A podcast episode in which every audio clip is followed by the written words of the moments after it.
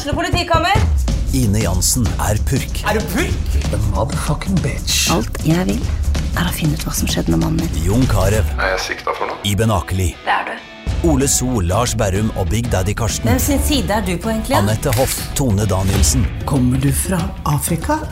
Jørnis Josef, Nesten. Kløfta. Trond Espen Seim, Det er synd å si det, men det var feil mann som døde.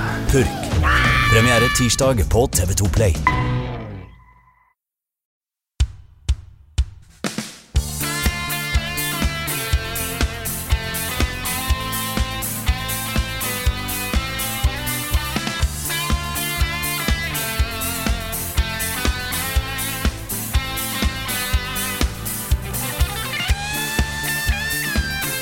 Nei, men hello, dere.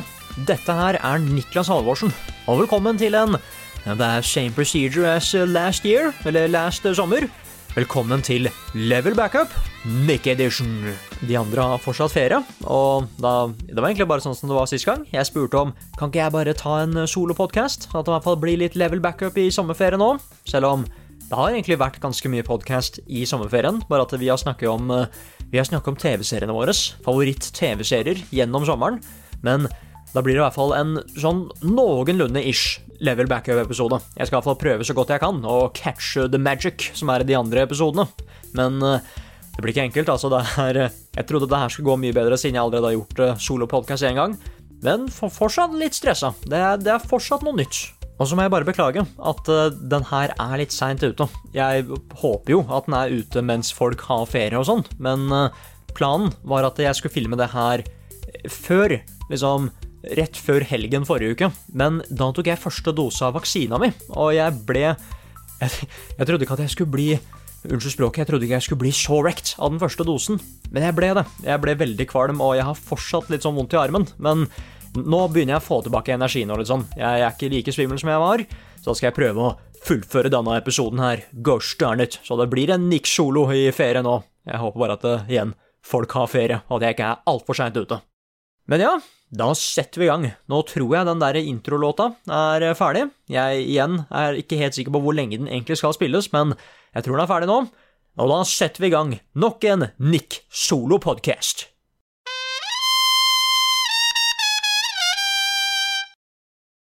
Å faen, Uh, ukens hotteste!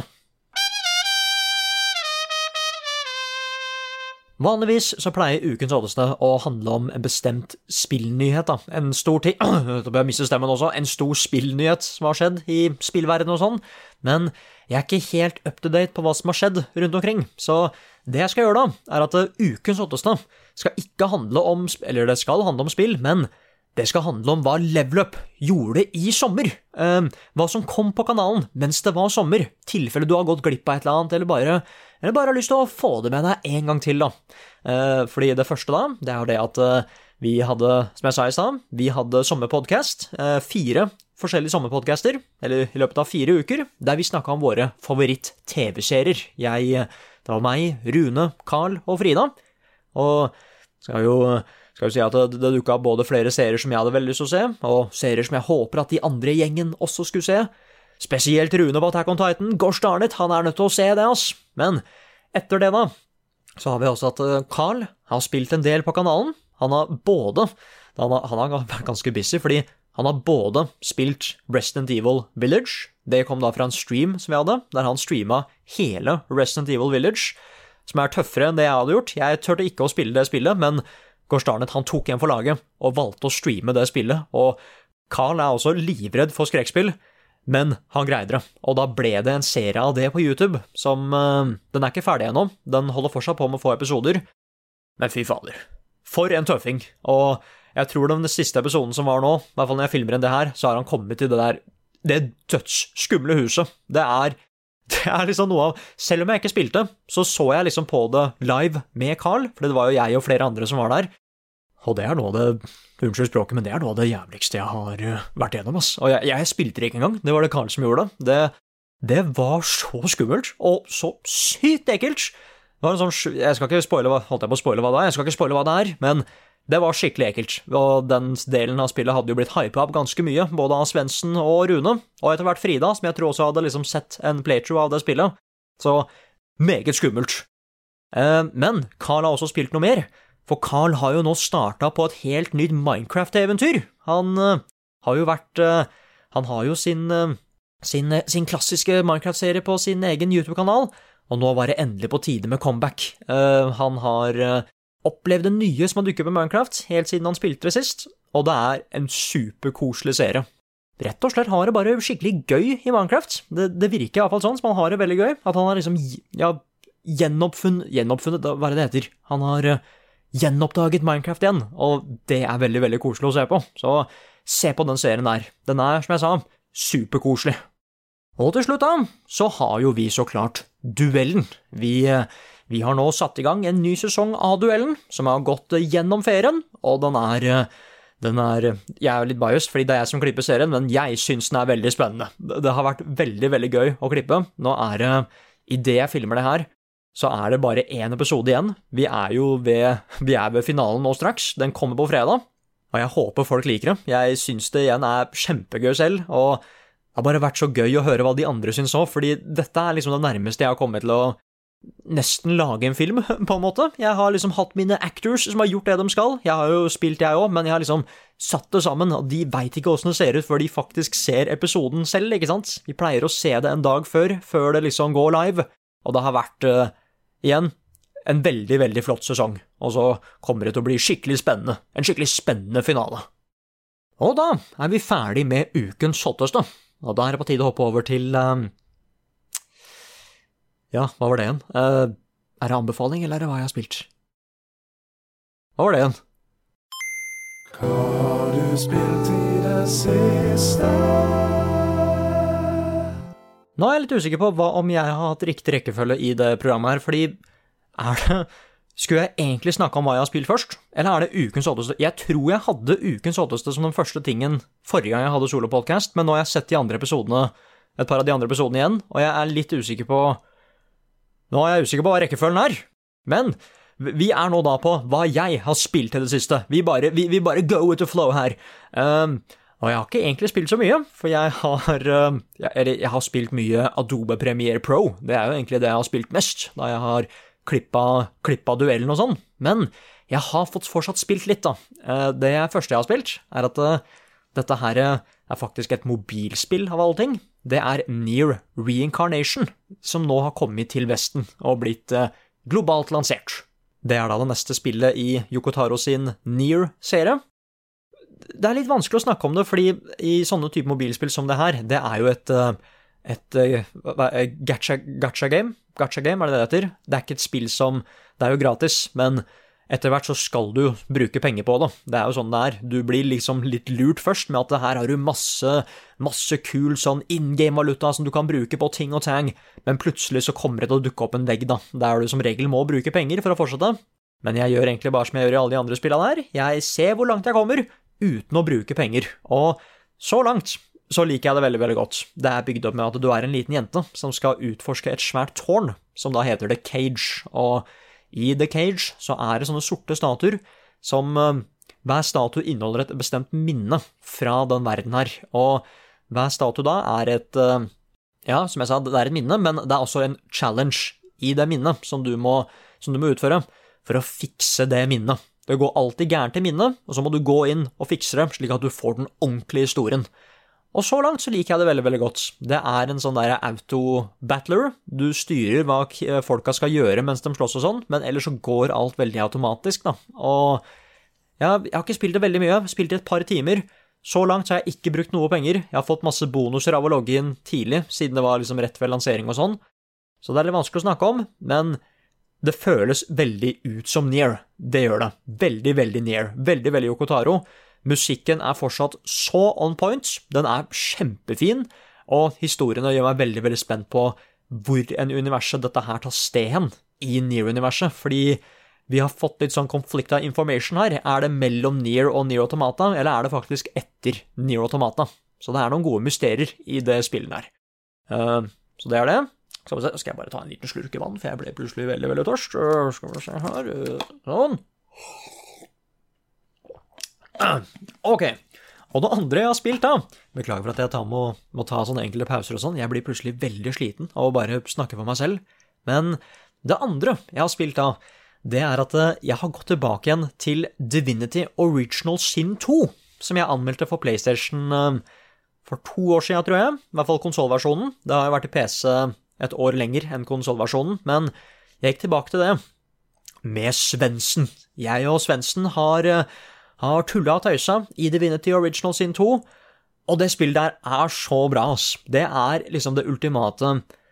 Hvis du ikke har klart å helt komme deg inn i Dungeons and Dragons, men du har litt lyst til å vite hva det er, så prøv Divinity Original Sin 2, fordi det er et spill der du skal roleplaye, du skal gå inn i disse karakterene her, du kan lage din egen karakter òg, det er veldig, veldig kult, så jeg er da en uh, super magic dude, mens uh, Svendsen er en, uh, en sånn super heavy hitter, en kar med dritsvært våpen, og vi går rundt og bare herjer i den verden der, og tar vanskelige valg, lever med det vi har gjort, men vi har det egentlig bare skikkelig koselig.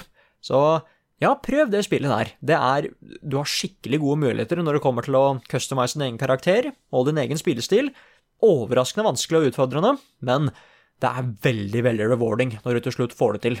Og igjen, den innlevelsen du kan ha i det spillet der Nå har jeg ikke spilt sånn veldig, veldig mye Dungeons and Dragons, men det er så mye, og jeg kan sammenligne med det, da. Og det er så gøy å spille med noen som faktisk blir investert, fordi jeg har spilt det med mange, mange folk før, men de ser på det som De, de blir som regel litt sånn turned off by it, fordi de tror det bare skal være sånn action-strategispill, ikke sant? Men det er liksom bare halve spillet. Det å faktisk leve deg inn i dette spillet her, bli investert og sånn, det er en viktig del av det òg, og det blir Svendsen, og det er så gøy. Nei, så igjen, hvis du ikke har spilt The Winter Vision sin 2, du vil ha et bra strategispill med god customization, og et spill du kan leve deg litt sånn inn i, særlig da med venner, så prøv The Vinity Original sin 2. Jeg og Svendsen spiller det da på PC, det glemte jeg å si. Det er ikke konsollversjonen denne gangen, det er PC-versjonen, og det er nok den versjonen jeg anbefaler mest, siden du har mest kontroll på det som skjer.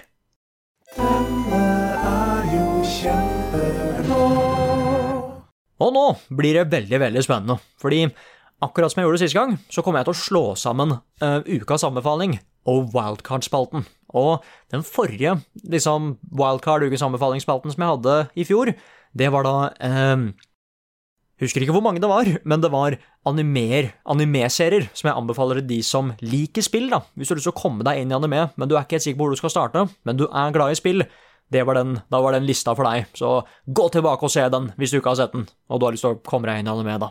Så klart. Men denne gangen her så er det noe annet. Fordi eh, hvert eh, starten av hvert år, eller av og til rett før det nye året starter, så har jo vi disse her eh, toppspilllistene våre. Enten topp 10, eller i det tilfellet her, da, topp 20, fordi noen av oss er litt ekstra crazy.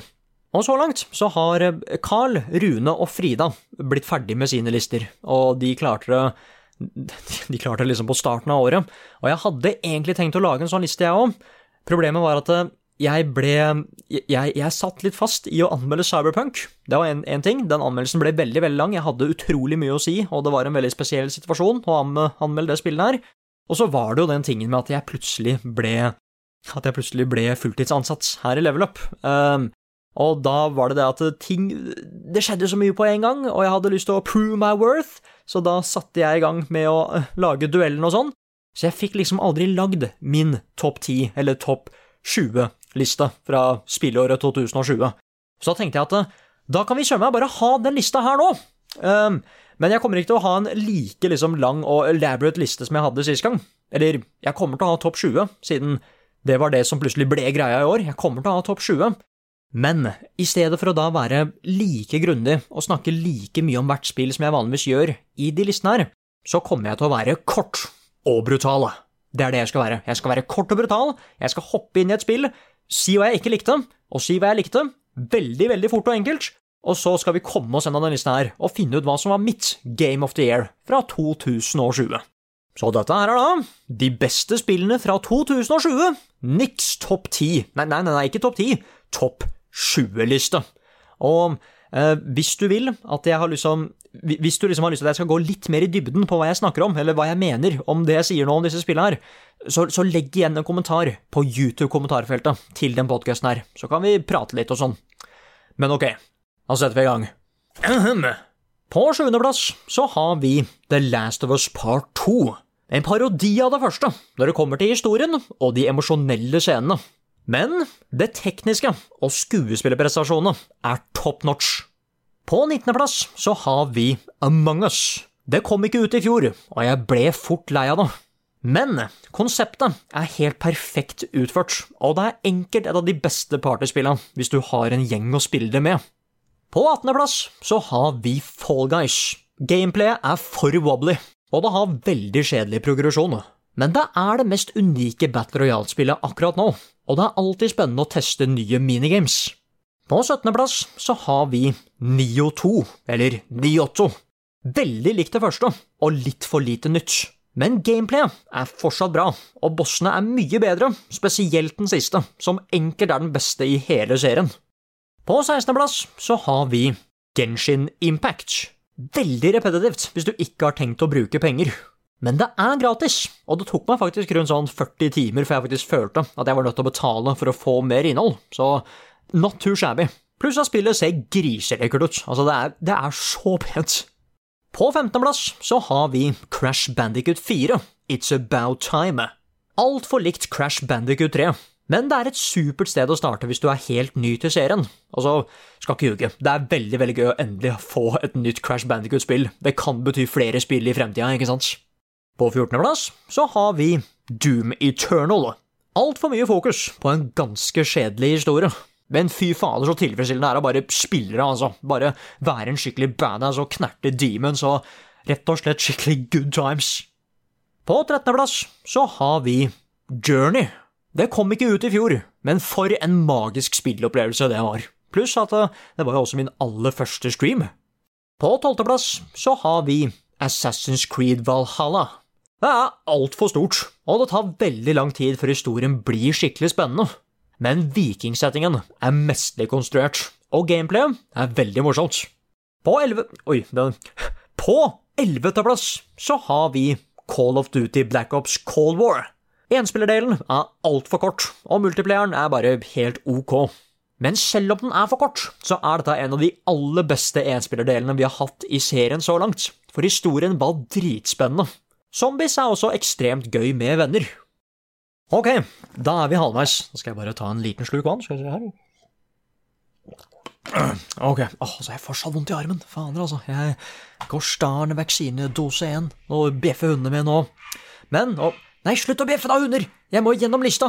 Ok, vi bare venter bitte litt til de er ferdig å bjeffe. Ferdig nå? Ganske stille. Ok, da kjører vi på. på tiendeplass så har vi Demon Souls Remake til PlayStation 5. Flere av bossene er dårlig designa, og alt i alt så er en veldig dårlig remake. Men det er tidenes beste remaster, for dette her er på godt og vondt 100% Demon Souls, og det er det mest unike Souls-spillet, fordi dette var det som til slutt skulle bli Souls, ikke sant? De måtte finne ut hva Dark Souls og sånn skulle være, ut ifra Demon Souls, og derfor så er spillet mye mer variert enn de andre spillene. På niendeplass så har vi Conan Exiles, Isle of Siptha, eller Isle of Veldig lite nytt innhold, og konseptet med øya kunne ha blitt utført bedre. Men det var dødsmorsomt å spille det sammen med Carl og Svendsen, og takket være de to så ble det her et av de beste spillopplevelsene jeg hadde i fjor. Det var kjempemorsomt, og det ble en kjempeholdsom og koselig serie ut av det, som het, så klart, De bra barbarer, så derfor er den så høyt på lista. På åttendeplass så har vi Hades. Historien kunne vært bedre fortalt, og helvete kunne ha hatt litt flere etasjer, eller nivåer, liksom. Men gameplayet er supersmooth, og når det kommer til customization og replay value, så er Hades et av de beste i rogelight-sjangeren. På sjuendeplass så har vi Journey! Igjen! Jeg løy i stad! Det fortjener å komme enda høyere, selv om det ikke ble lansert i fjor. Så bra er det spillet. På sjetteplass så har vi Astros Playroom teknisk sett en tech-demo og en helt ok plattformer. Men det er tidenes feiring av PlayStation, og jeg ble faktisk skikkelig emosjonell av å spille det. Og teknologien til den nye PlayStation-kontrollen føles virkelig ut som next gen. Så Adda Badda Xbox, og soundtracket er også en skikkelig banger. Og da har vi kommet til topp fem, så på femteplass så har vi Ghost of Sushima, combaten kunne vært enda mer smooth, men bortsett fra det, så er det her et av de beste open world-spillene jeg har vært borti. Både når det kommer til historien, verden og musikken. Spesielt den musikken. På fjerdeplass så har vi Det klarte akkurat ikke å komme på topp tre, det var så close, men på fjerdeplass så har vi Spiderman, Miles Morales. Veldig likt det forrige spillet, kanskje litt for likt, men det er en kjempefin Spiderman-historie, og det er bevis på at Insomniac at de ikke er en one trick pony, da. At de virkelig forstår Spiderman. De klarte det en gang til, og det å også gi Miles Morales sitt eget lille spill før den ordentlige oppfølgeren til Marvel Spiderman, det var et helt perfekt valg. Og da har vi kommet til topp tre. Så disse spillene her Jeg kommer fortsatt til å være ganske brutal, men de kommer til å få litt mer oppmerksomhet enn de andre spillene, siden de er jo topp tre, liksom. De fortjener det. Så, på tredjeplass så har vi Ori and the Will of the Wisps. Den andre akten av historien er litt treg, men det er enkelt en av de beste oppfølgere jeg noensinne har spilt. Plattformingen, combaten og gameplayet generelt er superresponsivt og veldig gøy. Spillet er griselekkert, altså fy fader, det ser så bra ut. Og selv om jeg hadde litt problemer med historien, så må jeg si at slutten på det spillet traff meg så sykt hardt. Jeg, jeg visste at du skulle bli emotional, liksom. Det er jo Ori, men fytti grisen, altså. Og da er det veldig spennende, fordi da er det søren meg andreplassen. For andreplassen for spill, beste spillet fra 2020. Ok, så På andreplass, da, så har vi Cyberpunk 2077. En god del bugs, og at det er så stor variasjon på de ulike versjonene av spillet når det kommer til kvaliteten og sånn, det er helt tullete. Men PlayStation 4-versjonen via PlayStation 5 fungerte veldig, veldig bra for meg. Og når Cyberpunk fungerer, så er det et av de beste fra open world-sjangeren, og noe av det mest oppslukende jeg har spilt. Jeg digga settingen, gameplayet, historien, karakterene, og selv om det er litt lite å gjøre i Night City, så er det her next level worldbuilding. Spesielt hvis du kan litt om universet før du hopper inn. Det er, dette er lagd av fans. Det syns så hardt. Og til slutt da, så må jeg bare gi ekstra ros til karakterene Johnny Silverhand og den mannlige versjonen av Vi. Den, den kvinnelige versjonen, hun er kul hun også, men stemmeskuespillet til den mannlige versjonen har så mye mer Jeg, jeg holdt på å si Den har så mye med layers, det er så mye med følelser der. Og den beste delen av spillet var vennskapet mellom han og Johnny Silverhand. Og da har vi kommet til nummer én, det beste spillet fra 2020, eller Mitt favorittspill fra 2020. Så jeg holdt på å si er det noen som klarer å gjette hva det er. For da setter vi i gang. Ok. Det beste spillet fra 2020 er da Final Fantasy 7 Remake. Historien er for lang, og den har noen deler som enkelt kunne blitt kutta bort uten at det hadde påvirka historien, sånn i det hele tatt. Jeg tenker da spesielt på tunnelen og The Train Graveyard. Men resten av spillet er av så utrolig høy kvalitet. For jeg har ikke spilt originalen, og det eneste jeg visste om Final Fantasy 7 fra før av, liksom, det var at eh, Cloud var helten, liksom. Jeg visste om det, og The Buster Sword og sånn. Og så visste jeg at Sephiroth var, var the bad guy. Han er jo superikonisk. Men utenom det så visste jeg ingenting om historien. Og det var kjempespennende, og til tider super weird. Gameplay hadde en veldig fin blanding av action og strategi, altså strategi og på grensa til sånn hack and slash, liksom, og jeg ble veldig investert i karakterene, det var én ting, og soundtracket, det soundtracket i det spillet her, er helt insane. Jeg hadde bare hørt den sangen her, ikke sant, den derre og jeg trodde at det var liksom, det var den eneste gode sangen fra det soundtracket der, iallfall fra det originale spillet, men oh my god, det er så mye god og variert musikk i det spillet her. De, de, trengte ikke å gå så hardt, er det jeg sier, da, for å liksom remake det soundtracket her, but they did. Men den største grunnen til hvorfor det her ble mitt Game of the Year, er at eh, i motsetning til Cyberpunk og Ori og Spiderman og sånn, så visste jeg ikke hva jeg gikk til med Final Fantasy. Altså, jeg hadde bare hørt at det originale spillet var legendarisk, og at det var et av de beste spillene ever, liksom men jeg visste ikke nøyaktig hvorfor, og da ble remaken noe helt nytt for meg, og det var Åh, det var dritbra. helt konge. De siste timene av det spillet her er så fullstendig ko-ko, og det er uten tvil det største liksom, spilløyeblikket jeg hadde i fjor, var slutten av Fan Fantasy 7-remaken. Den er så bananas! Jeg husker at eh, jeg sendte bilder til Carl da jeg spilte det. Bare liksom Ikke hva som skjer, bare screenshot. Bare Hva er det som skjer her? What the hell? Hva er det her? Det, det, var, det var så kult. Det, det, var så Jeg husker det øyeblikket så godt, liksom. Men selv om jeg ikke har spilt originalen, så veit jeg at det, det Final Fantasy 7 gjorde med remaken sin, er noe jeg aldri har blitt sett gjort før med en remake. Det er en helt ny betydning av hva en remake egentlig er, da. Og jeg vil til og med gå så langt og si at når det kommer til remakes, så er det ingen spill som har gjort det bedre enn Final Fantasy 7. Det er en helt unik remake-opplevelse, og jeg sitter fortsatt og tenker bare skal jeg spille det originale spillet, eller skal jeg vente til de remaker resten av spill nummer 7? Jeg veit ikke, ass. Det var så magisk å bare få alt det her, ja, for første gang i denne formen, da. I denne HD superduper next gen-formen, liksom. Så jeg veit ikke hva jeg skal gjøre, ass. Jeg må finne ut om jeg skal spille originalen eller ikke. Men i hvert fall, når alt kom til alt, i 2020 Det var mange gode spill, men det beste spillet da, for meg, det var da Final Fantasy 7 Remake. Her kommer nyheter med Meg. Og han har hår. Og da er det dag to av Nick prøver å lage podkast. Jeg, hadde plutselig ikke mer energi i går etter at jeg var ferdig med å snakke om spill og sånt, men nå er jeg tilbake. Nå er jeg tilbake igjen. Uh, armen har faktisk blitt bedre, det er ganske greit. Men da er det nyheter. Jeg har jo ikke fulgt fryktelig godt med mens, vært, uh, mens alle andre har hatt ferie og sånn. Jeg har stort sett bare sittet for meg sjæl og redigert duellen. Så jeg kommer ikke til å snakke så veldig mye om det som skjer hos Blizzard om dagen, fordi at uh, jeg har fått meg sånn noenlunde hva som har skjedd, og hva som skjer der nå, men jeg føler meg ikke godt nok kvalifisert til å snakke skikkelig om det, så jeg bare venter til de andre er hjemme fra ferie, så de kan ta den, da.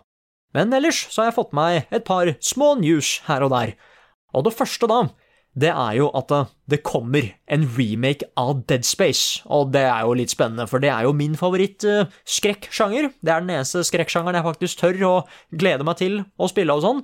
Og ryktene stemte. Det dukka opp en ny Dead Space remake på dette her, dette her EA Play, eller hva den heter, den konferansen de hadde. Det var noen andre spill òg, men jeg husker dessverre bare Dead Space-remaken. Og jeg er litt sånn der opp og ned på det, med at eh, jeg eh, Noen rykter sier at det kanskje fungerer litt mer som en reboot enn en remake, og det er egentlig det jeg håper litt på. At eh, det forrige Dead Space er ikke så gammelt, så jeg kunne ønske at det kom noe nytt fra den serien, spesielt fordi det tredje spillet slutta med en skikkelig cliffhanger. Og det føles også litt rart å glede seg til et spill som ikke er lagd av de originale folka, siden de Var det ikke sånn at de De fikk jo sparken av IE, holdt jeg på å si. De fikk ikke sparken, men de ble jo De ble Firmaet gikk jo under, de som lagde Dead Space. Dead Space gjorde det ikke så bra, mest fordi at IE drev og tulla litt med hva Dead Space 3 skulle være og sånn. Mer action-packed og mikrotransaksjoner og sånn, som man lover at det ikke skal være så mye av i remaken. Faktisk ingenting, tror jeg de har sagt.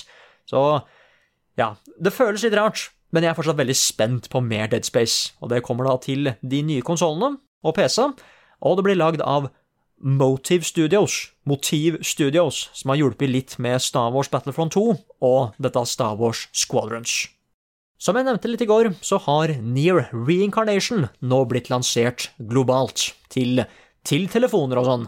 Og det er litt gøy, fordi jeg leste at eh, Jeg er ikke sikker på om det var Yoko Taro, men det var noen fra teamet som sa det at eh, vi forventer ikke egentlig så fryktelig mye fra de som spiller fra Vesten og sånn. Dette er mer en sånn uh, De spillene er jo mye mer vanlig i Japan og sånn, og der har jo Near Reincarnation eksplodert, liksom. Så men, jeg er spent. Jeg er spent på når faktisk slår an her. Det er jo, som, som sagt, et sånn gacha game.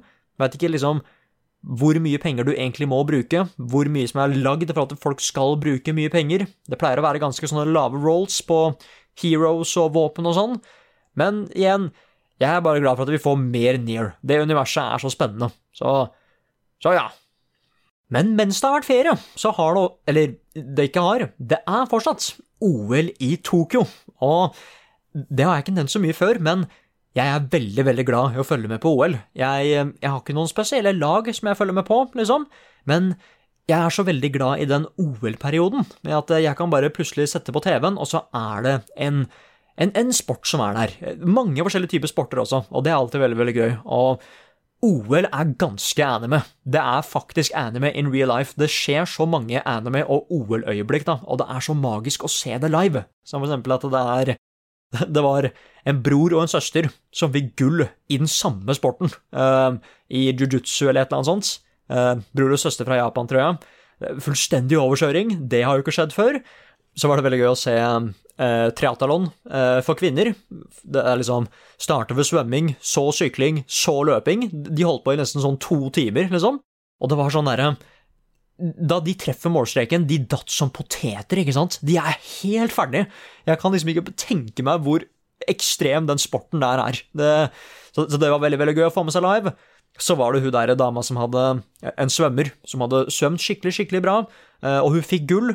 Men så er hun veldig glad for det, liksom. Begynner å gråte. 'Jeg fikk gull, jeg er best i, i denne sporten i år'. Men så ser hun på scoreboardet, og så ser hun at ja, hun har fått verdensrekord òg. Og hun friker helt ut når hun skjønner at hun ikke bare har fått gull, men også slått verdensrekorden.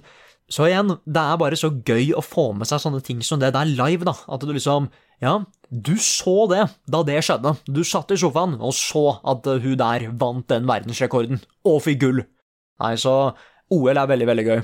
Men grunnen til at jeg også snakker om OL i denne spillpodkasten her, er fordi at i åpningsseremonien i år så var det fryktelig mye spillmusikk. Og det er jo fordi vi var jo i Tokyo og Japan, så klart, men det var ganske bra spillmusikk. Det var liksom eh, Det var fra Kingdom Hearts, det var Monster Hunter, det var Krono Trigger. Jeg tror søren meg det var noe fra Near der også. Det var liksom Det var ikke bare sånn jeg holdt på å si super generic spillmusikk. den var faktisk bra plukka ut spillmusikk. Så der fikk OL et ekstra poeng. Outer Wilds får en ny expansion, som heter da Echoes of the Eye, som han har sagt å være den første og eneste expansion-packen til det spillet. Og um, det er jo da en referanse. The Eye er jo en referanse til det som skjer i Outer Wilds, fordi hvis du ikke har spilt deg Outer Wilds, det er bra, ass. Særlig hvis du er glad i liksom god science fiction eller et, et godt uh, puzzlespill, fordi det er jeg har ikke egentlig så spoile hva Outer Wilds er hvis du ikke har spilt det, men du skal utforske et lite univers, da. Du har akkurat blitt en astronaut og skal utforske dette lille solsystemet ditt, men det er noe som ikke helt stemmer med dette solsystemet. Og mer enn det skal jeg ikke si, i tilfelle du ikke har spilt det. Jeg bare anbefaler det noe veldig å hoppe inn i The Outer Wilds. Jeg, det vant jo nesten Game of the Year for meg da det spillet kom, så det blir gøy. Jeg gleder meg til det. Jeg veit ikke helt hva det skal handle om, siden jeg følte det spillet var ganske ferdig, sånn sett, men det blir spennende, spennende, å se hva som skjer mer i det universet der.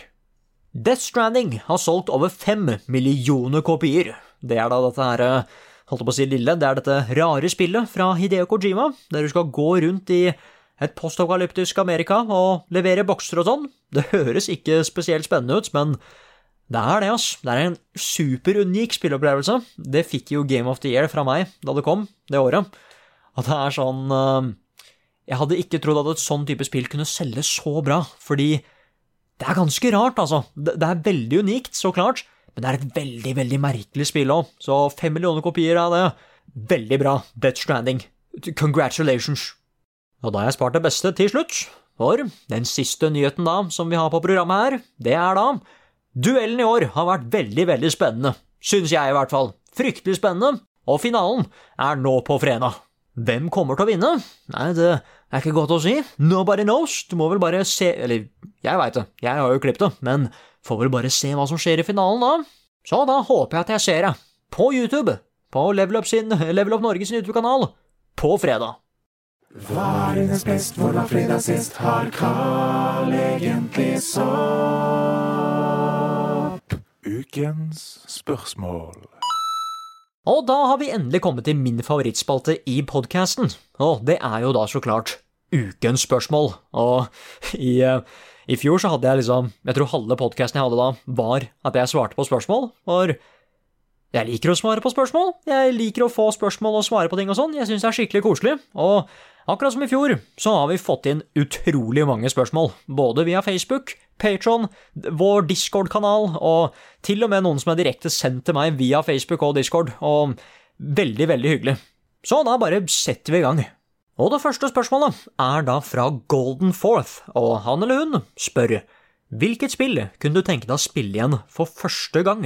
Og det er et sånt spørsmål som jeg tenker egentlig veldig mye på. Uh, veldig sånn der recency bias på det, med at uh, det er ikke lenge siden jeg spilte remasteren av det første Near, eller Near Replicants, så den er jo høyt her oppe, men uh, jeg tror nok at hvis jeg skulle valgt ett spill Nei, vet du hva, vi ljuger litt. Hvis jeg skulle valgt to spill Det første, det er Hellblade, Cinema Sacrifice, fordi det er fortsatt den store, liksom det spillet som overraska meg mest når det kom til det jeg skulle anmelde og sånn, for jeg bare så at det var norrøn mytologi, spurte bare hei, er det noen som skal ta det her, kan jeg ta det? Det så litt kult ut, og så var det bare mye, mye, mye bedre enn det jeg trodde det skulle være. Det, det var noe helt annet enn det jeg trodde det skulle være òg, så det hadde vært veldig kult å oppleve på nytt igjen.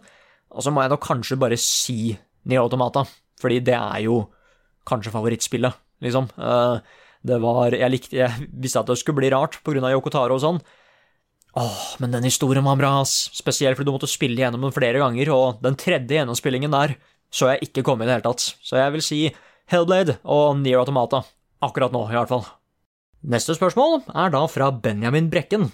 Hei, Benjamin. Long time no see. Han jeg snakka med før, han er veldig hyggelig. Og Benjamin spør da, hva mener du er de beste filmatiseringene av spill?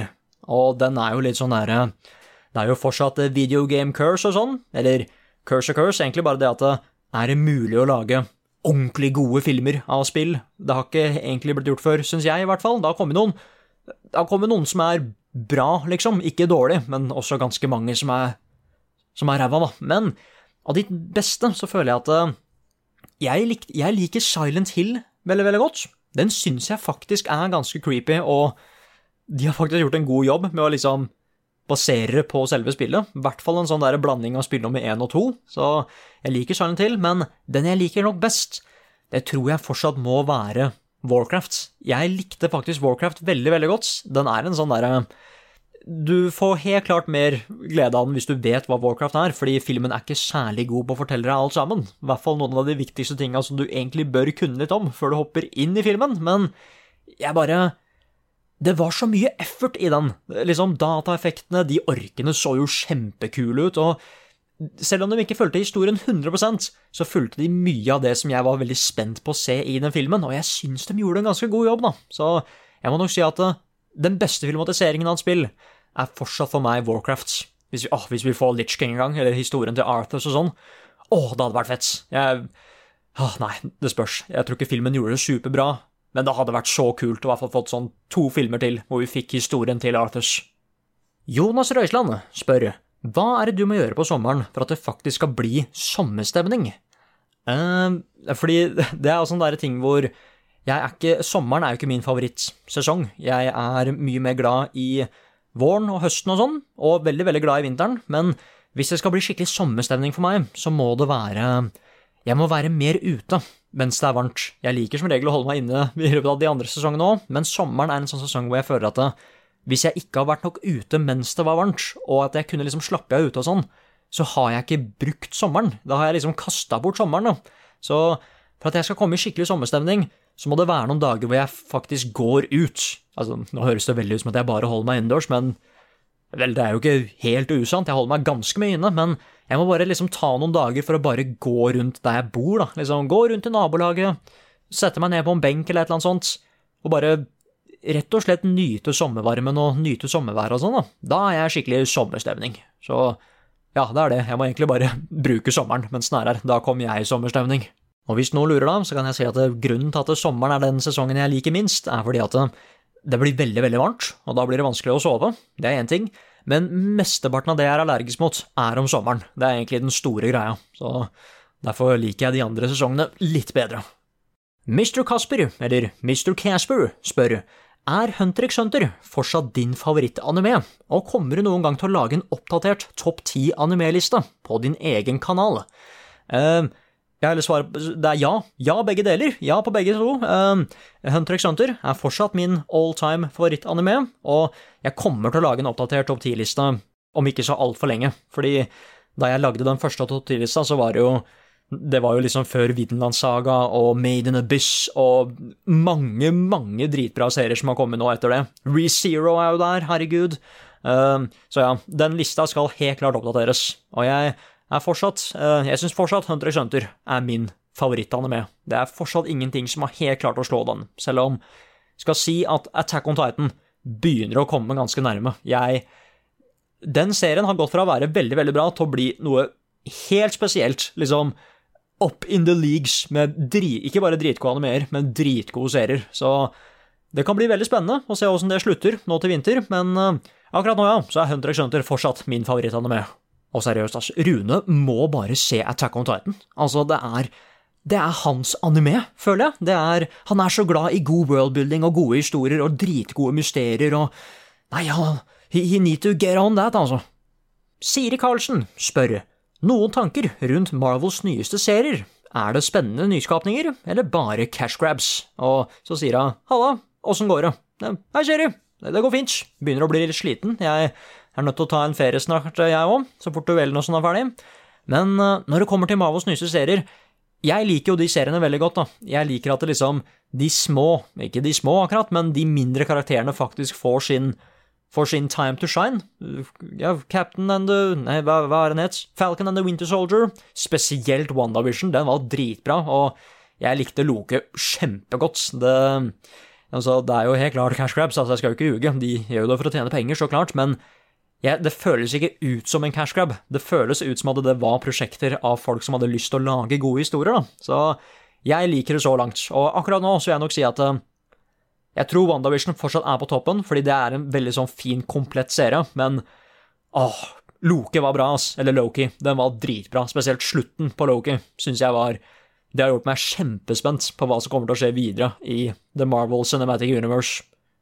Skal vi se eh, Scott det står Scott Drangsholt, Scott Drangsholt, sorry hvis jeg sier det feil, spør vil det komme en ny Sea of Thieves-anmeldelse, siden det har endra seg veldig mye.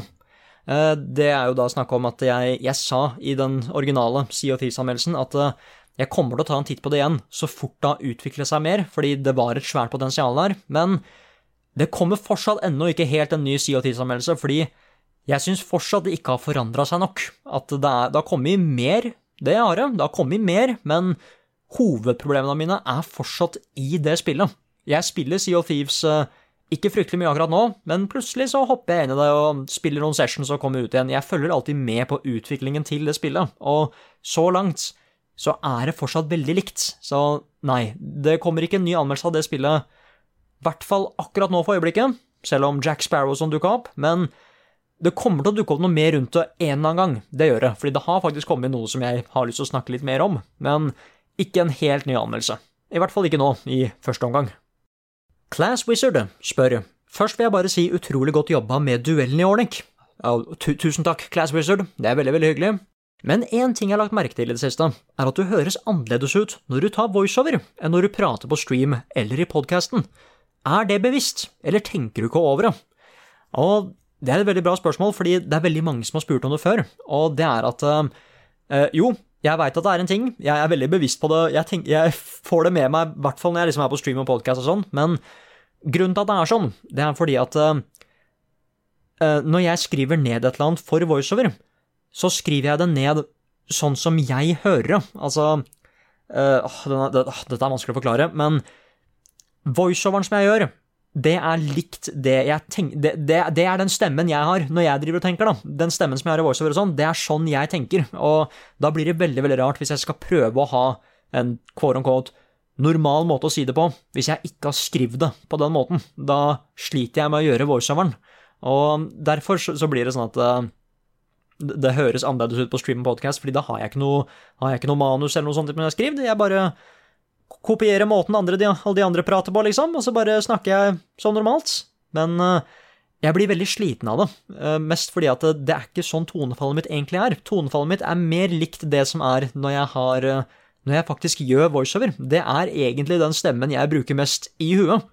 Så ja, det er, det er egentlig det. Pluss at jeg har litt lyst til å være litt sånn litt, litt sånn engasjert og sånn når jeg prater. Jeg har ikke lyst til å bare prate sånn her når jeg har skrevet en anmeldelse. Jeg har lyst til å være litt sånn, ikke superenergisk, men litt sånn engasjert i det jeg prater om, da. Så Nei, den er veldig, veldig vanskelig å forklare, men kort fortalt, jeg prater sånn som jeg, sånn som jeg hører når jeg skriver da. på en måte. Ja, det er det nærmeste. Og når jeg prater med de andre, så bare kopierer jeg måten de prater på. Det er egentlig det letteste svaret. Så ja, eh, det er, eh, det er bevisst, og jeg tenker over mens det skjer. Jeg, jeg prøver å bli flinkere på det, men det er ikke så lett. Det er egentlig bare sånn det er. Men jeg håper ikke det er et stort nok eh, et stort problem. Jeg liker i hvert fall det veldig godt. Jeg, jeg blir mye mindre sliten, og det går mye lettere å gjøre voiceover når jeg kan si det sånn som jeg har skrevet det. Vegard Bring... Nei. Jo, Vegard Bringsverd Andreassen, det var langt navn, spør kan du si litt om de største forskjellene etter og før fast ansettelse? Ja, det kan jeg gjøre. Uh, den største forskjellen er det at uh, før jeg ble fast ansatt, så jobba jeg ikke bare med level up, jeg gjorde andre ting på siden for å få ting til å gå rundt, da. Uh, mest ting som logoarbeid og grafisk design og sånn. Jeg kan ikke si for hvilke firmaer, men det var egentlig bare at eh, jeg sendte meldinger til forskjellige firmaer. Trenger dere hjelp med det grafiske? Skal jeg lage et eller annet til dere og sånn? Og da gjorde jeg det på siden, mens det skjedde ting hos Level Up og sånn.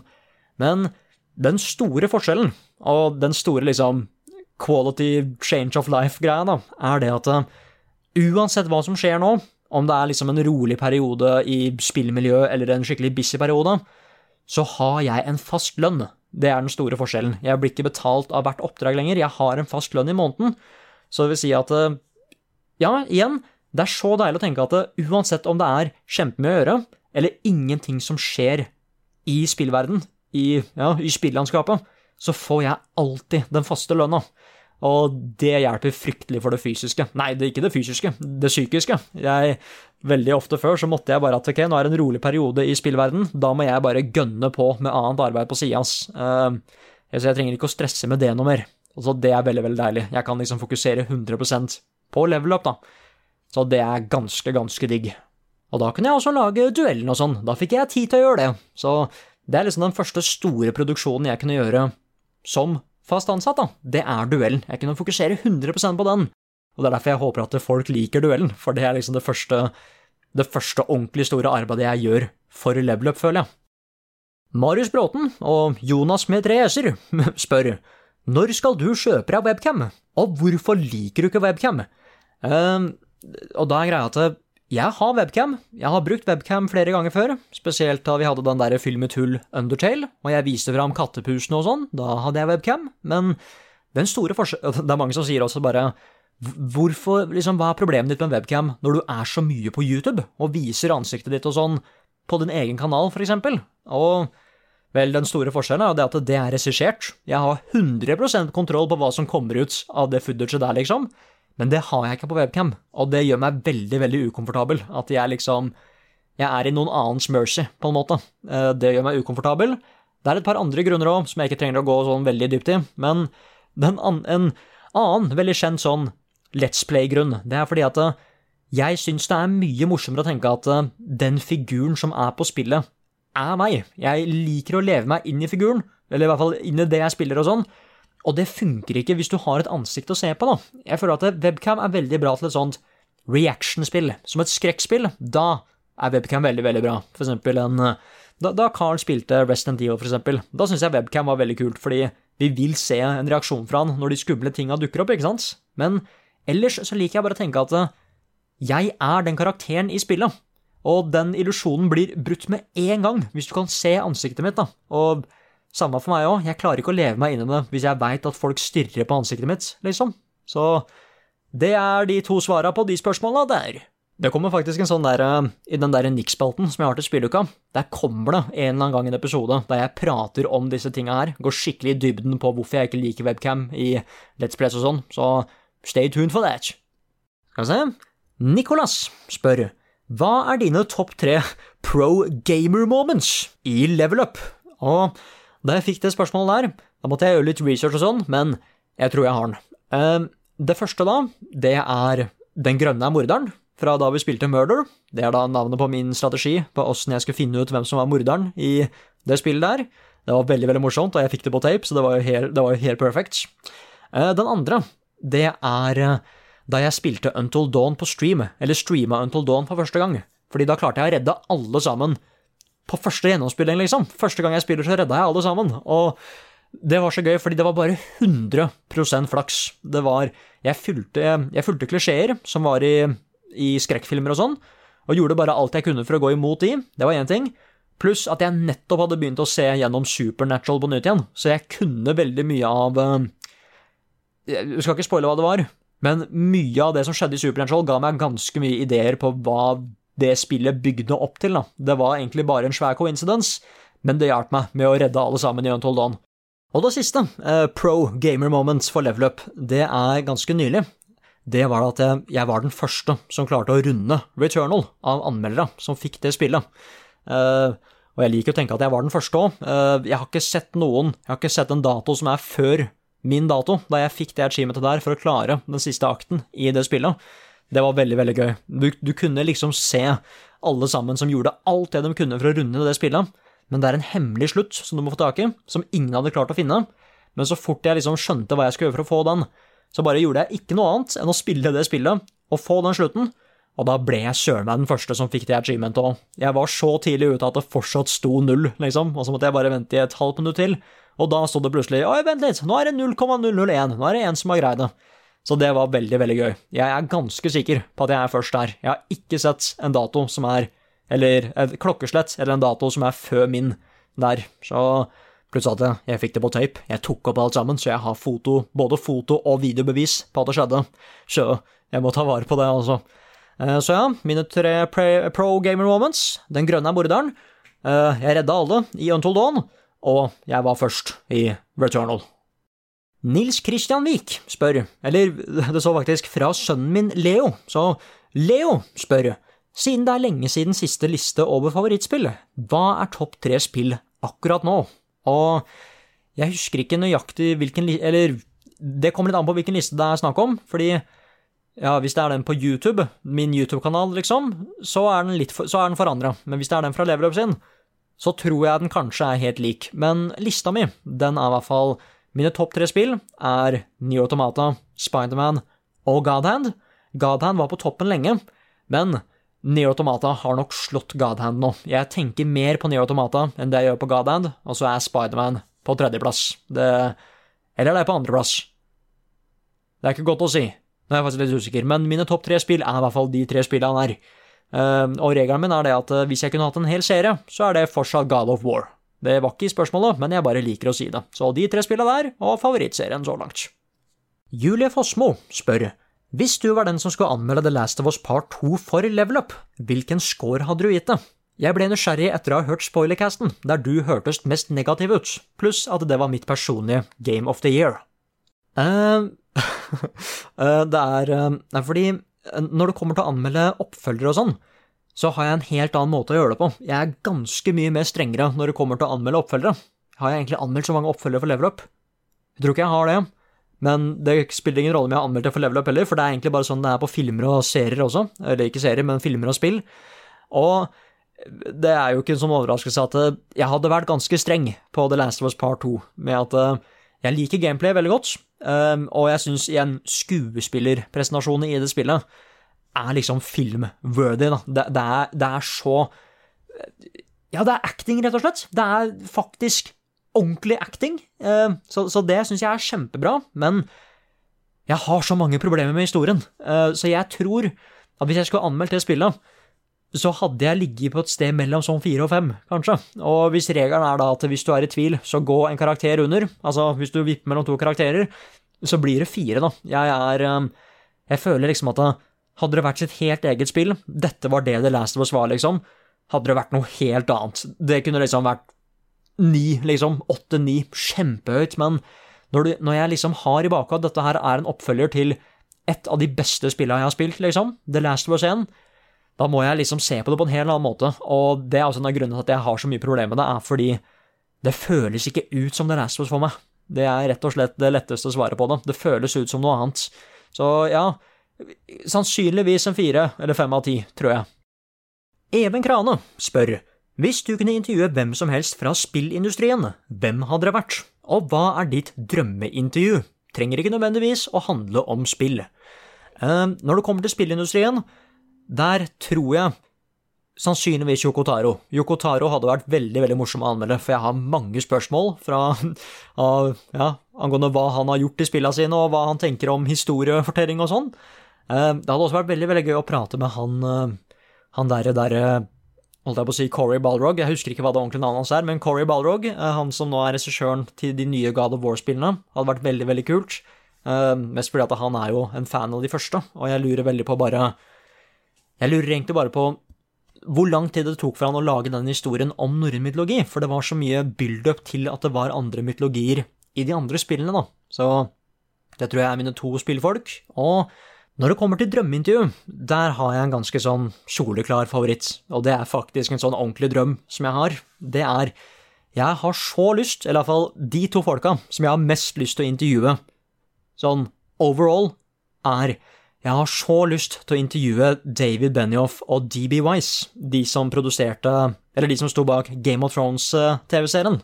Fordi det, det er sånn De ga oss Game of Thrones, det er én ting, men jeg har så lyst å bare si, gutta, jeg var ikke Det var noen ting i den siste sesongen som jeg ikke var helt uh, enig i, det skal jeg si, men jeg syns fortsatt det var en skikkelig kul sesong, og bare hele serien Dere har gjort en så god jobb med å liksom ja, uh, adapte det her fra de bøkene der. Jeg føler liksom at de Jeg syns så synd på dem. Fordi når det kom da en sesong som mange ikke likte, liksom, så bare nei, disse folka her har ødelagt Game of Thrones, og de tenker ikke over at ja, ja, men de folka der ga deg Game of Thrones òg. Og jeg kan ikke bare tenke Jeg kan ikke forestille meg det stresset det var å lage den siste sesongen til, til Game of Thrones, liksom. Største, det var jo den største serien som var på TV der og da, liksom. Jeg kan liksom ikke komme over noe som har vært større, da. Kanskje Lost eller Nei, til og med større enn Lost. Alle prata om Game of Thrones. Så jeg vil bare ha et svært intervju med de folka der, da. At liksom bare Ja, bare snakke om de Snakke om ting fra produksjonen. Hva er dem sin favorittepisode? Hva, hvilken dag var verste dagen på jobb? Beste dagen på jobb? Og så vil jeg liksom bare gi dem den anerkjennelsen som de fortjener, da. At uh, Ja, igjen. Var det noen ting jeg ikke helt likte med den siste sesongen, men fy fader, dere klarte fortsatt å fullføre den serien. Godt jobba, altså. Og det er min all time favoritt-TV-serie, så ah, Det var så mange som ikke skjønte slutten nå, vet. Det, det, det, er kanskje den som liksom sårer meg mest, med at det, det er så mange som jeg, jeg, tror det er veldig mange som er sånn at hvis det skjer noe i en serie som folk ikke liker, så er det veldig lett å tenke at det er automatisk dårlig manus, og det er jo så klart noen tilfeller av det av og til, men det var ikke tilfellet med den slutten, og det er en sånn ting som Det er derfor jeg liksom ber folk alltid om å se hele serien på nytt igjen, fordi du kommer til å forelske deg i serien på nytt igjen hvis du ser det på nytt igjen. Du kommer til å legge merke til nye ting, og du kommer til å se hvordan den slutten ble bygd opp, da. Så ja, mitt drømmeintervju, eller mitt spillintervju, er Yokotaro eller Corey Balrog, og mitt drømmeintervju, det er da med David Benioff og DB Wise. Sebastian Flå spør, syns du er veldig flink klipper, Nick. Tusen takk, Sebastian. Uh, lurer på, har du noen tips eller erfaringer som du har lært underveis med tanke på klipp? For eksempel hvordan du klarer å bygge opp en så god dramaturgi og spenningskurve som du gjør i duellen.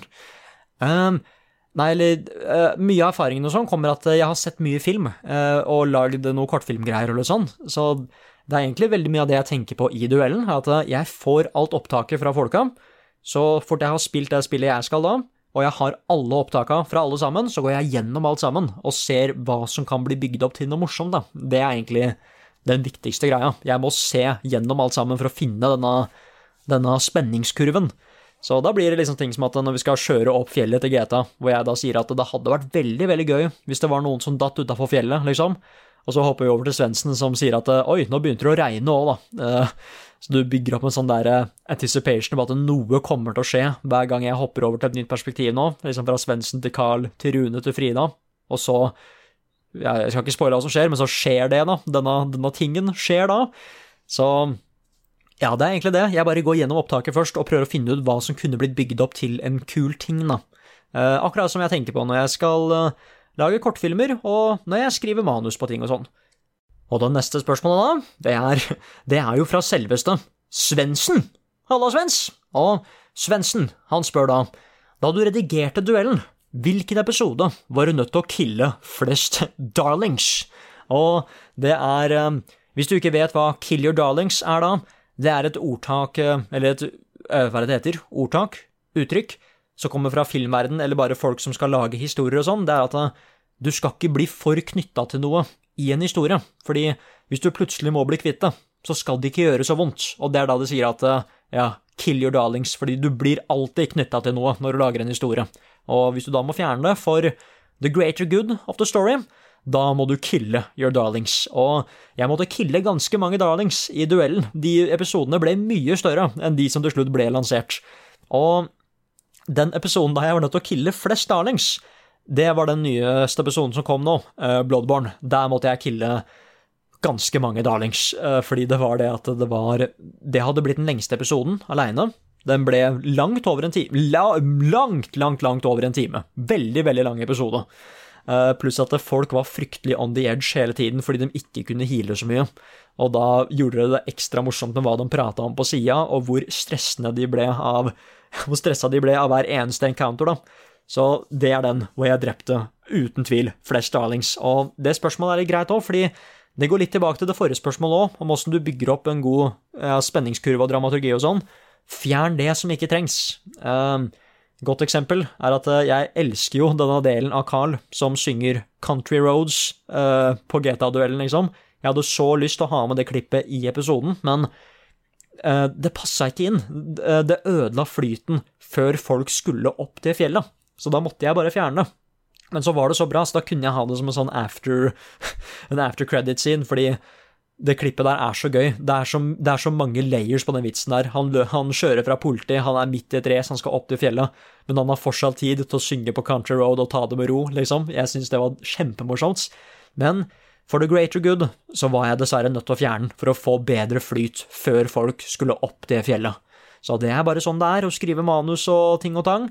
Jeg har det spesielt ille nå, nå som jeg har lyst til å lage min egen film. Da er det masse killer darlings, men det er eh, det er tegnet på at du er blitt en god skriver, da, er at du faktisk klarer å bli kvitt de tinga som du var veldig glad i, men som du ser kunne ende opp med å kanskje ødelegge historien. Så ja, Bloodborne, der måtte jeg knerte en haug av darlings. Da har vi også enda et duellspørsmål, uh, fra Just Some Guy Without a Mustache, som var veldig, veldig kult navn.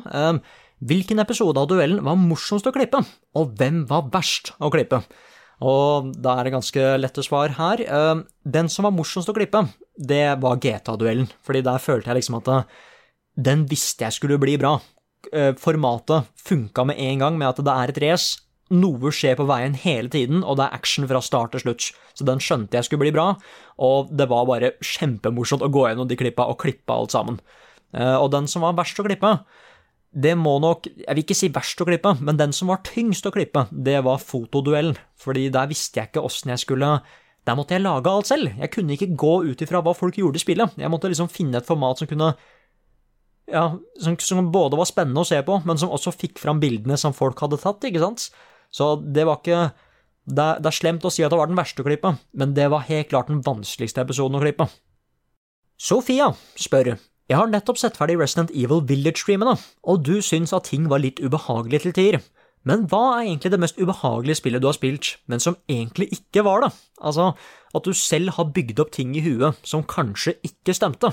Og ja, fordi det er jo det jeg gjør. Jeg, når, jeg liksom når, jeg ser skumle spill og sånn, jeg prøver å forutse hva som skjer, hva som kommer til å liksom dukke opp, slik at jeg kanskje er forberedt på det. Og da har jeg en tendens til å gjøre det mye mer skumlere enn det det egentlig er. Og det skjedde hele tiden mens Carl spilte Resident Evil.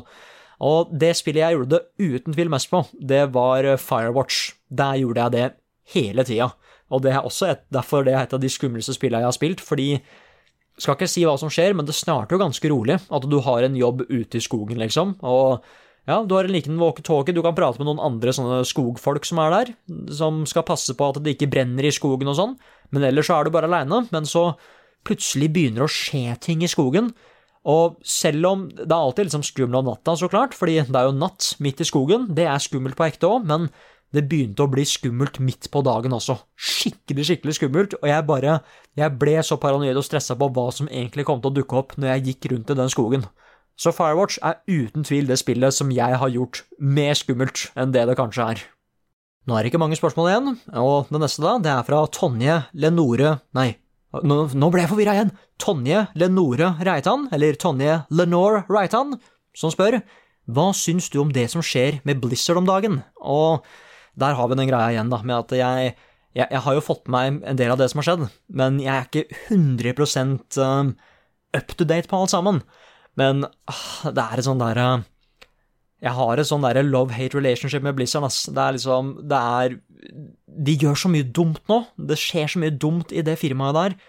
Men samtidig så er jeg så glad i spillet òg. Det er liksom det som gjør det så vanskelig. Jeg har så mange gode minner fra Blizzard, og jeg syns fortsatt de lager gode spill, liksom. Jeg, jeg gleder meg fortsatt til det nyeste Diablo og hva som kommer til å skje med Overwatch, liksom. Så nei, det er bare en skikkelig, en skikkelig teit situasjon. Det er um, Nei, uh, som jeg sa, et love-hate relationship med Blizzard akkurat nå. Nina N. Gjøvik spør uh, Jeg syns jeg hørte noe om at du skulle spille Hollow Nights. Har du fått prøvd det ennå? Nei, det har jeg ikke, men jeg skal. Uh, du hørte riktig, jeg skal spille Hollow Nights, men vi har lyst til å gjøre det til en sånn greie som det vi gjorde med Soulmates, da Rune spilte gjennom Dark Soul for første gang. Vi har lyst til å være i det samme stedet når vi spiller det, og derfor har det ikke skjedd noe Hollow Night ennå. Men uh, nå har jeg fått første dose av vaksine og sånn, så det er jo egentlig bare å bli fullvaksinert, sånn at jeg kan få tatt, sånn at jeg tør å ta tur ned til Oslo og filme denne Hollow Nights. Jeg er fortsatt veldig, veldig spent på det spillet, fordi det skal spilles. Så ja, veit ikke helt når, men Hollow Nights kommer til å skje. Coco Puffs spør da, veldig kult navn forresten, um, Carl nevnte at 71 grader nosecop-serien var en idé han hadde hatt i flere år, helt til han endelig fikk realisert drømmen. Men har du noen level up-drømmeprosjekter? Eh, ja, det har jeg. Jeg har jo Den første, det er jo den her level up-TV-serien som jeg snakka en del om. Eh, jeg har veldig lyst til å lage en sånn komedie-level up-serie som handler om oss, handler om gjengen. Eh, og jeg har hatt ideen helt siden vi var på VGTV, liksom.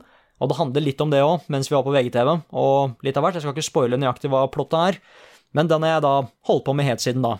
Og trenger fortsatt litt hjelp med å skrive episodene, noen av episodene og litt sånn, men jeg har liksom et veldig bestemt format på hva det skal være, og veldig mange ideer til spesielle episoder og sånn. Så ja, eh, Level Up TV-serien er den første.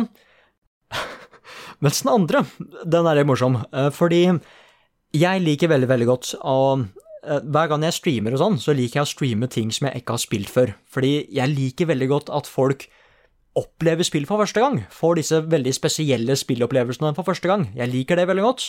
Og jeg syns at det kunne blitt en veldig morsom serie hvis jeg fikk med riktig person til å teste disse svære spillopplevelsene og sånn. Og det, det jeg har veldig lyst til, da, det er Jeg har veldig lyst til å spille, eller i hvert fall få noen til å spille The Last of Us 1 for første gang og lage en serie av det.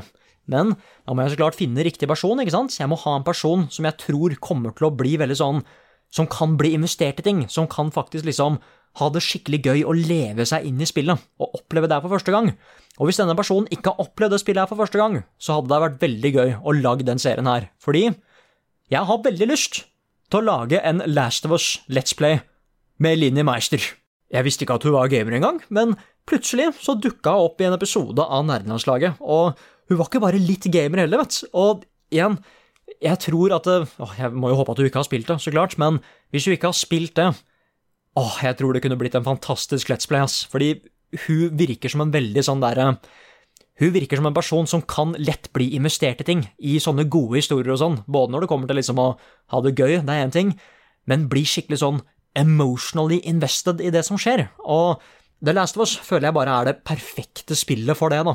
Så ja, eh, da er det Level Up TV-serie, det er det ene, og så er det da The Last of Us Let's Play med Linni Meister.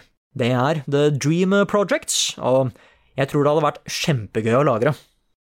Og da har vi tre veldig raske spørsmål igjen.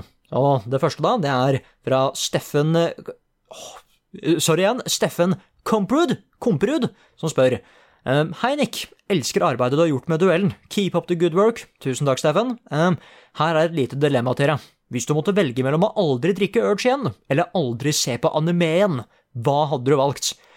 oh, den er vanskelig. Jeg tror uh, Jeg tror nok sånn in, in, in the end game, in the grand scheme of things, så tror jeg det hadde vært best å ofre Urge for å få anime, fordi anime er mer variert og sånn, og det er jo noe jeg kan kose meg mer med, sånn sett, men fuck, et liv uten urge hadde vært ganske tøft, ass. Det er eh, Det verste er at det er et vanskelig valg. Det er liksom ikke sånn bort med den, jeg skal ha den her med en gang, liksom. Jeg, eh, jeg tror jeg hadde fjerna urge, men det hadde, det hadde, gjort ganske mange sånne psykologiske skader av den, ass. Så jeg må nok si aldri, aldri drikke urge igjen, men fortsatt ha anime, må jeg kanskje ta da.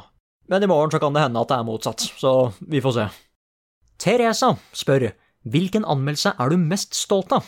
Og det er et veldig lett svar. Det er eh, Cyberpunk 2077-anmeldelsen. Det er min lengste anmeldelse, og det er den anmeldelsen der jeg følte at det liksom Jeg hadde hørt hvor mye problemer det spillet hadde, men det var fortsatt en tier for meg, liksom. Jeg kunne liksom ikke gi det noe lavere enn en tier av den spillopplevelsen jeg fikk fra det spillet. Så jeg måtte bare, måtte bare ta meg god tid og forklare hvorfor det her kanskje ikke er en tier for deg, men hvorfor det var en tier for meg, da.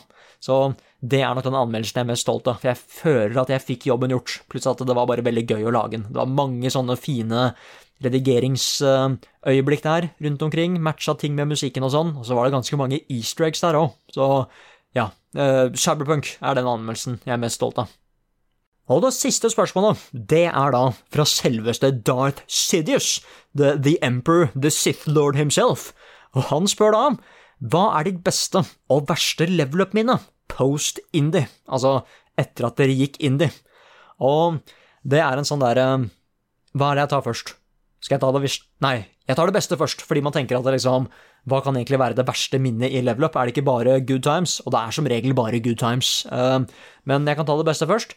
Det beste først, det tror jeg må være da Det tror jeg må være E3 2018, da vi dekka det. Fordi da var vi Det var det andre året, da vi var på det der stedet hos han derre Tarjei, eh, kaptein Zalo. Og jeg husker at det var en sånn Åh, det var en så magisk tid fordi alle sammen kunne møtes i byen. Det var én ting, vi møttes så sjelden, alle sammen. Alle møttes.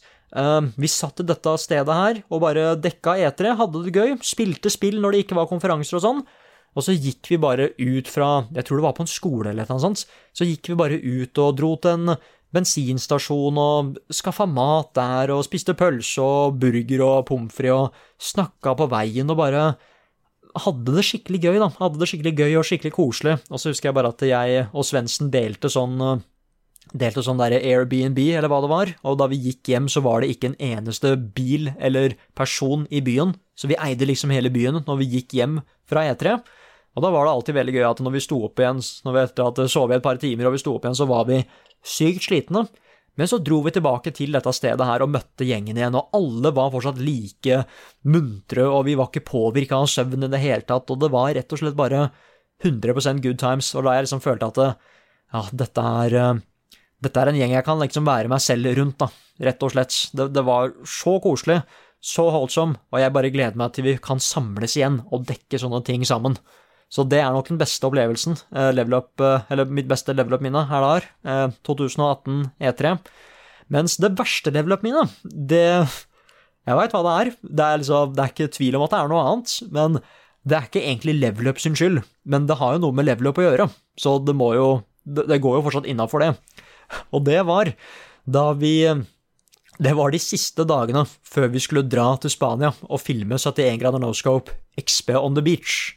For jeg husker at eh, jeg husker at planen vår var egentlig å Da vet jeg ikke egentlig hvor mye av det her Carl har sagt før, men planen vår var jo ikke originalt å filme det i Spania. Det var bare en sånn, en sånn drømmescenario som Carl hadde tenkt ut. Bare dæven, det hadde vært kult å lage en sesong til av 71 grader no-scope, bare at det skjedde i Spania. Hatt en Paradise Hotel-versjon på det, liksom. Han prata om det hele tida. Men det var en sånn ting som Vi trenger mye penger for at det skal skje, ass.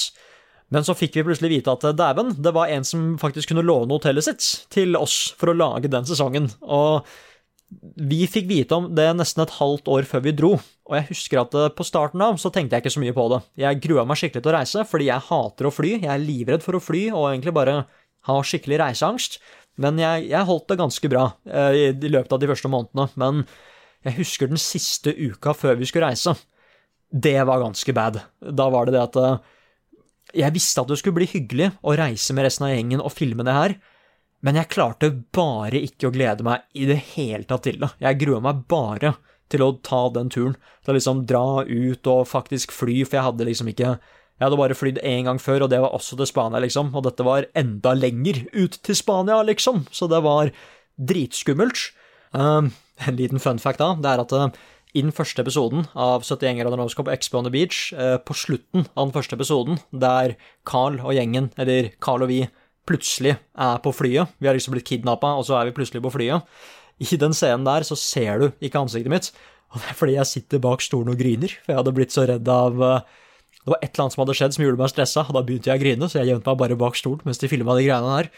Så det var det var ganske tøft, ass. Jeg, jeg husker at jeg, jeg husker liksom hvor redd jeg var. Men så fort, ikke, eller, ikke egentlig med en gang, men så fort vi hadde landa Vi kom dit mens det var helt mørkt ute.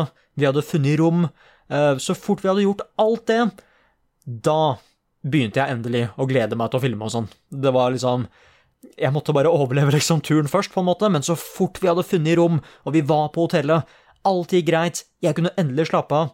Så fort det var en ny dag da, da begynte jeg endelig å glede meg til hva som egentlig skulle skje her, da. Det var en svær produksjon, og det var kjempegøy å være skuespiller, og gjengen vi var med var kjempekul, og det Nei, det var, det var alle tiders så fort vi kom dit.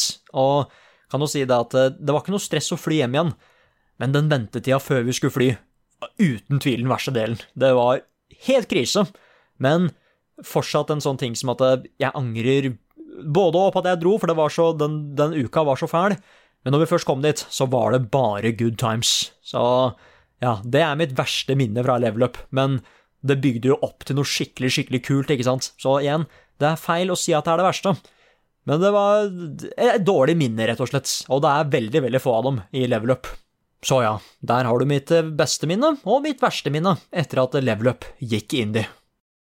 Og da er vi ferdig her, både når det kommer til ukens spørsmål og Nick Podcast 2, Electric Boogaloo. Det, jeg, jeg håper at det har vært eh, hyggelig å høre på.